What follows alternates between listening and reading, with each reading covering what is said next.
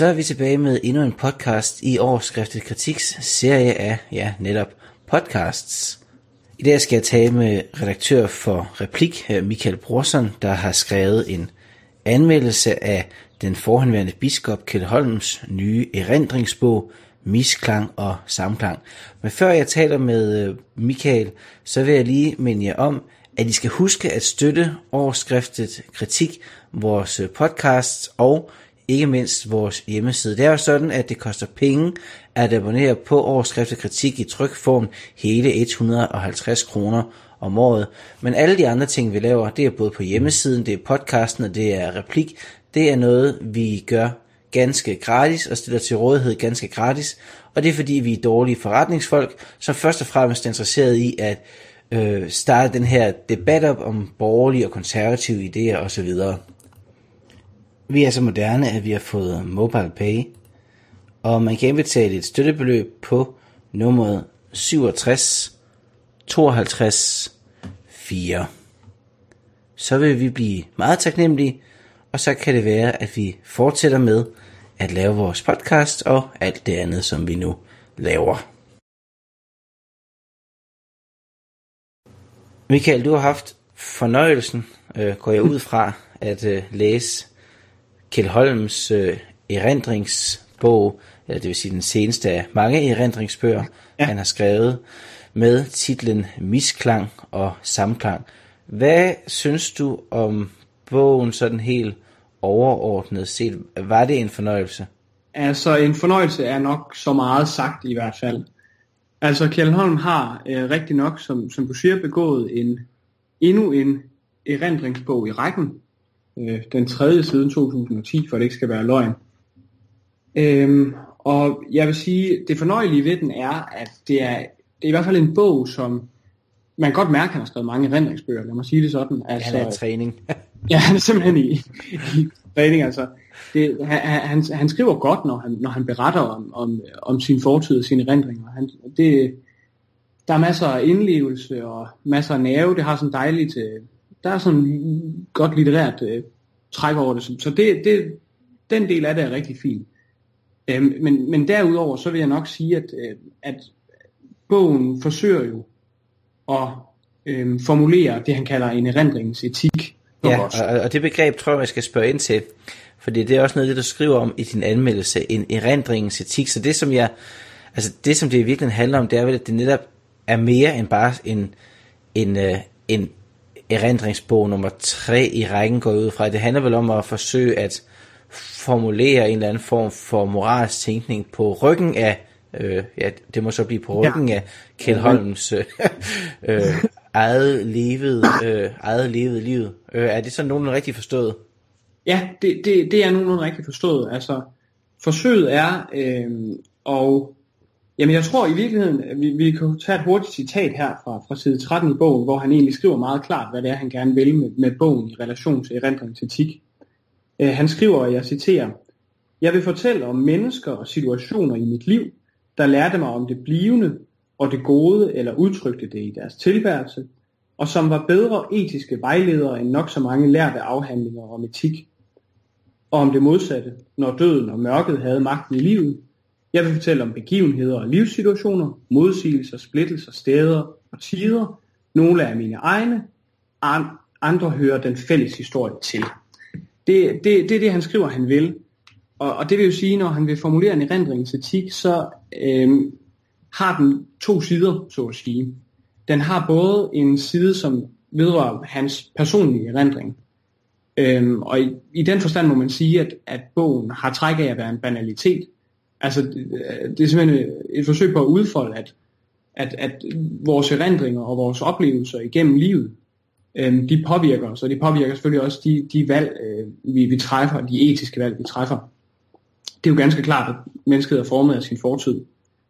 Og så er der så den anden side af det, som, som er den fælles historie, han også taler om, øh, som jo så dækker ikke hans egen personlige erindring, men, men måske mødet mellem den og så en kollektiv erindring, eller man kunne måske sige en folkelig eller en national erindring. Ja, her bliver det i virkeligheden interessant, fordi man ja. kan sige, for det første så, selvom du kalder det for en, en banalitet, så kunne man jo godt netop som måske konservativ hævde, at en erindringens etik i en eller anden forstand giver mening, fordi at der får vi så at sige et billede af et helt konkret øh, levet liv, Ja. Og der kan vi, det kan vi måske lære mere af, eller hver enkelt menneske er i hvert fald ligesom set i den situation, at han er tvunget til at, at lære af sit eget liv først og fremmest. Men vi kan også øh, så lære af de oplevelser, andre personer har haft med at leve lige præcis ja. deres liv, og den viden, den praktiske viden, man opsamler gennem sit konkrete liv, øh, det er i hvert fald et tema i ja. konservatismen.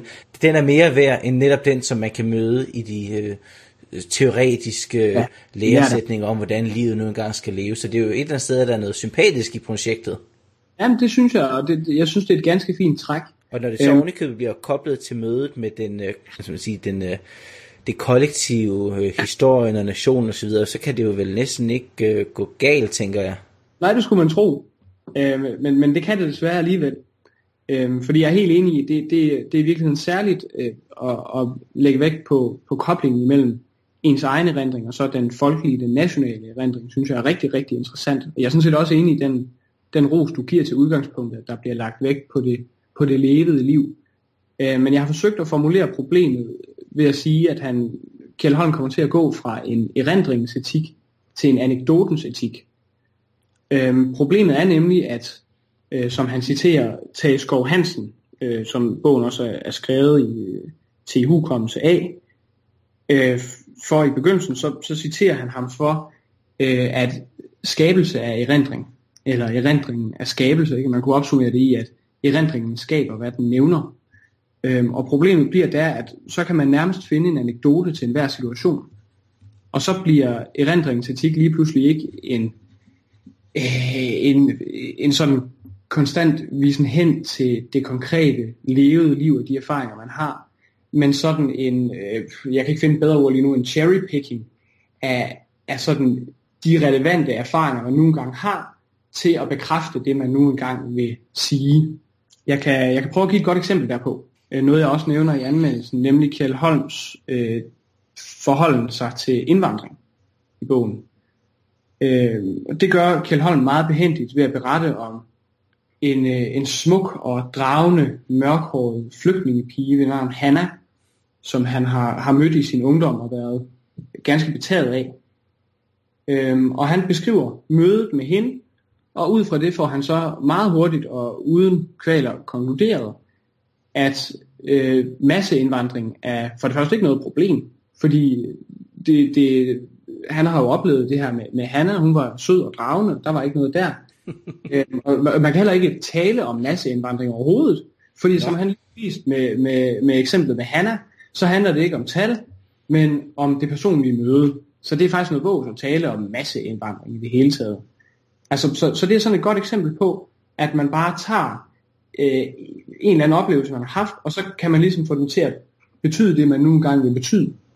Men hvordan har det, du siger her, og hvordan hænger det sammen med øh, det forhold, at han jo altså også beretter om en barndom, og måske også til det i sin ungdom, hvor han jo faktisk øh, netop møder den her øh, kollektive nationale erindring, som er en erindring måske i en øh, langt dybere og mindre anekdotisk forstand end den der subjektivisme, som han præsenterer i bogen. Altså, hvordan, hvordan hænger de der to ting sammen, hans udgangspunkt, og så det sted, hvor han er ind som altså, ved, bedserviser og øh, øh, eksplicit øh, socialdemokrat og AGF-fan. Øh, altså, hvordan, øh, hvordan er det gået så galt?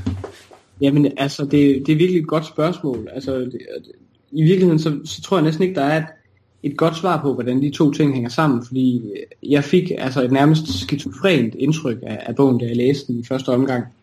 Altså, i, især det første kapitel, så han starter sådan rimelig, bevæger sig sådan nogenlunde kronologisk frem, øh, om end med en del spring, og derfor så starter vi også i barndomshjemmet øh, i Sønderjylland, som netop er dybt rodfæstet i, i, i den sådan fælles nationale erindring, vi taler om.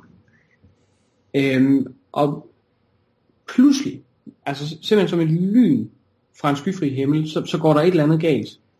og så, øh, og så, så, så taler vi lige pludselig om, øh, øh, altså, om, om de mennesker, der mener, at, at øh, der ikke må være andre mennesker end, end danskere i Danmark. Jeg ved ikke, hvem der mener det. Øh, men, men altså, lige pludselig, så, så bliver der polemiseret imod nogle, nogle stråmænd, som han sådan trækker frem uden, at, uden sådan videre anledning. Øhm, og, og så, så går det fuldstændig galt. Øhm, så, så hvordan det lykkes for ham, er ikke altid tydeligt.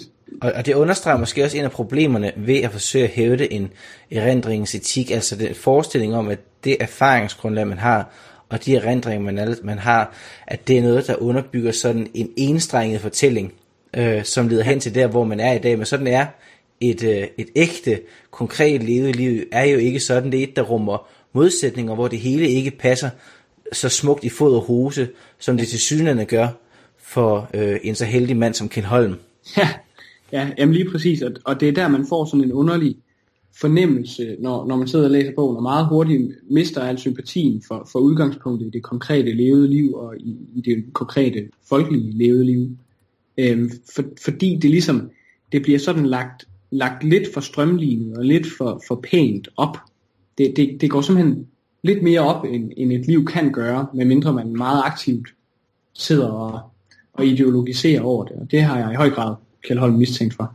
Kjell Holm, han er jo, som vi har nævnt et gange, jo tidligere øh, biskop. Han er godt nok ikke teolog af uddannelse, men han er jo, altså, hvad man måtte mene om manden, så er han jo ja, praktisk talt teolog. Teologi er hans, øh, hans baggrund gennem et, et, et meget langt øh, virke, også selvom hans indgang til det, det var øh, idéhistorien.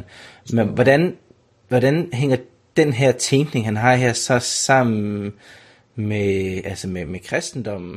Der er jo øh, der er sådan et, et vist sammenstød i bogen imellem øh, kristendom og humanisme særligt, øh, som måske også udtrykker hans baggrund dels øh, i, i, øh, i, øh, i hvad hedder det, idéhistorien, øh, og, og det, dels i, øh, i teologien. Og det, der får der, der, der kommer til at opstå sådan en, øh, en underlig fusion imellem de to, at de på en eller anden måde øh, begge to bliver sandhed. Øh, sådan så man nok får en fornemmelse af, at de i virkeligheden begge to bliver sandhed, fordi øh, humanismen eller medmenneskeligheden, som han også udtrykker det, på en eller anden måde er, er blevet ophøjet til det guddommelige i sig selv. Øhm, og det, det synes jeg, det, det giver sig jo udtryk i hans i, i, i den måde, som han har forholdt sig i, i den offentlige debat på også, og som han for eksempel også forholder sig i den bog her til, til spørgsmål som, som, som indvandring og til det politiske i det hele taget. Øh, det bliver et område, hvor humanismen eller øh, medmenneskeligheden skal, skal udleves, fordi den, det, det er noget nærmest noget, en nærmest guddommelig fordring, at den skal udleves. Ja, du skriver i din, øh, du skriver i din artikel og i din kritik af den her sammenblanding mellem øh, det medmenneskelige og så øh, Gud, at det er at reducere Gud til medmenneskelighed. Og så skriver ja. du videre, politik bliver på den måde sfæren, hvor mennesket forholder sig til Gud, eller som Gud. Det politiske bliver et absolut, øh, absolut forhold. Hvad mener du med det? Jamen, jeg, jeg mener netop, at, at det er som om, der kommer, øh, at, at det politiske, altså det er jo klart, at, at i det politiske, hvis man forholder sig øh, øh, til det øh, fra et kristent perspektiv, så må man sige, at et hvert menneske står jo altid over for en absolut fordring, lige meget i, i hvilken del af, af personens liv, øh, som han befinder sig i. Men her er det som om, at der er et, øh, et bestemt politisk program, nemlig altså det, det her diffuse humanisme, medmenneskelighed, noget, som øh, bliver den absolute fordring. Øh, at, at den eneste måde at, at forholde sig ret til, til, til det politiske på, det, det er netop ved at, at udfolde det system her øh, i det politiske. Så det er altså også en måde, hvorpå øh, altså han polemiserer imod det, der han kalder øh, inderlighedens øh, helle, mm. øh, som det vil så nærmest være øh, den kristendomsopfattelse, som du selv et eller andet sted står på, som er et udtryk for inderlighedens helle. Men det, der vil ske hos Kjeld Holm, det er så, at kristendommen, eller måske snarere religiøsiteten, den så at sige siver ud over det hele, og kommer til at, og netop at farve det politiske liv, som jo i udgangspunkt bør være sekulært. Ja, netop. Og, og dermed bliver det jo igen også, altså, at, at det, det han egentlig taler om, når han taler om humanismen og idealismen, det, det er jo hans, altså, det er jo sjovt, altså han, han, han ser det måske som, som en del af kristendommen, som kristen budskab, men det falder sjovt nok rigtig dejligt sammen med, hvad han selv mener politisk, ikke? Det som nu engang, som han nu engang kan læse ud af Bibelen, og hvor han ellers finder det. Altså det, det er jo dybest set hans, hans egne meninger og tanker, men lige pludselig så kommer de, kommer de nærmest til at, at have guddommelig art, de ja. her meninger og tanker. Så, så det politiske bliver øh, religiøst, og det religiøse bliver øh, politisk. Det er jo det, der er endestationen for sådan en tænkning, som Ken Holm han, øh, han står for. Ja, og dermed har man også udlagt begge dele. Man kan sige, at der er to spor øh, i, i, i Kjell Holms bog her, som, som jeg forholder mig kritisk øh, til. Øh, den ene, den vi lige har vendt her, forholdet mellem kristendom og humanismen, øh, hvor han får ophøjet humanismen til, til noget guddommeligt og gjort det politiske til en, en guddommelig sfære på en eller anden måde. Og så det, vi talte om indledningsvis, nemlig det, det etiske erindringens etik, som ender over i sådan en form for anekdotens etik, som aldrig rigtig kommer til at have øh, den funktion, som en etik jo må have, at den på en eller anden måde skal, skal øh, bemestre eller holde øh, mennesket i, i, i, nogle, i nogle lænker inden for nogle grænser. Øh, og jeg tror egentlig, at de to problematikker kan, kan binde sammen af, at Kjell Holm til synligheden ikke kender til nogen lovforkyndelse i sin forståelse af kristendommen. Jeg bruger et, et eksempel i, øh, i min anmeldelse, hvor jeg taler om, øh, at Kjell Holm bruger øh, det sidste kapitel i sin bog på at tale om menneskets erindring, hvad man kan få ud af det, men på at tale om Guds erindring. Øhm, og her får han blandt andet formuleret, at øh, han altid har øh, ment øh, og håbet på, at der findes en erindrende Gud, en Gud, som husker os alle sammen. Mm, og det lyder måske meget sympatisk, men det er også et problematisk udsagn, at man uden videre kan håbe på, at Gud han husker os alle sammen. Fordi man må jo først og fremmest huske på, at øh, hvis Gud er en Gud, der stiller fordringer til mennesker, så er Guds erindring af mennesket først og fremmest Guds erindring af mennesket som en synder, og dermed er erindringen først og, Guds erindring først og fremmest Guds dom over mennesket. Øhm, men, men det lader ikke rigtigt til at være noget, som Kjell Holm han forholder sig til.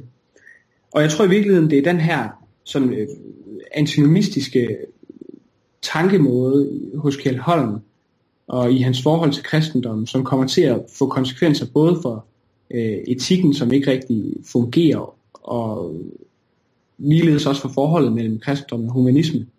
Simpelthen fordi der ikke er nogen lovforkyndelse til at fortælle mennesket, at du ikke er en skaber, men du er en skabning, der hele tiden står under din skabers tiltale.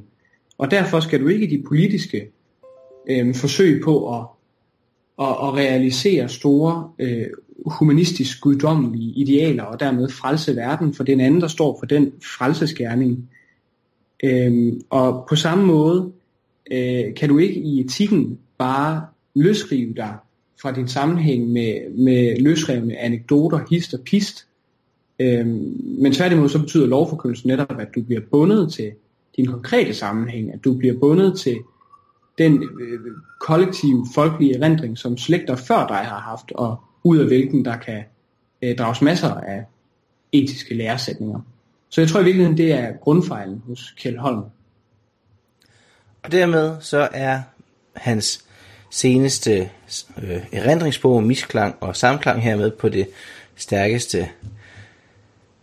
Anbefale dem, som gerne vil se, hvor galt det kan gå, når man forsøger at formulere absolute sandheder på ryggen af sig selv, så at sige. Tak for det, Michael Brorson. Selv tak. Thank you.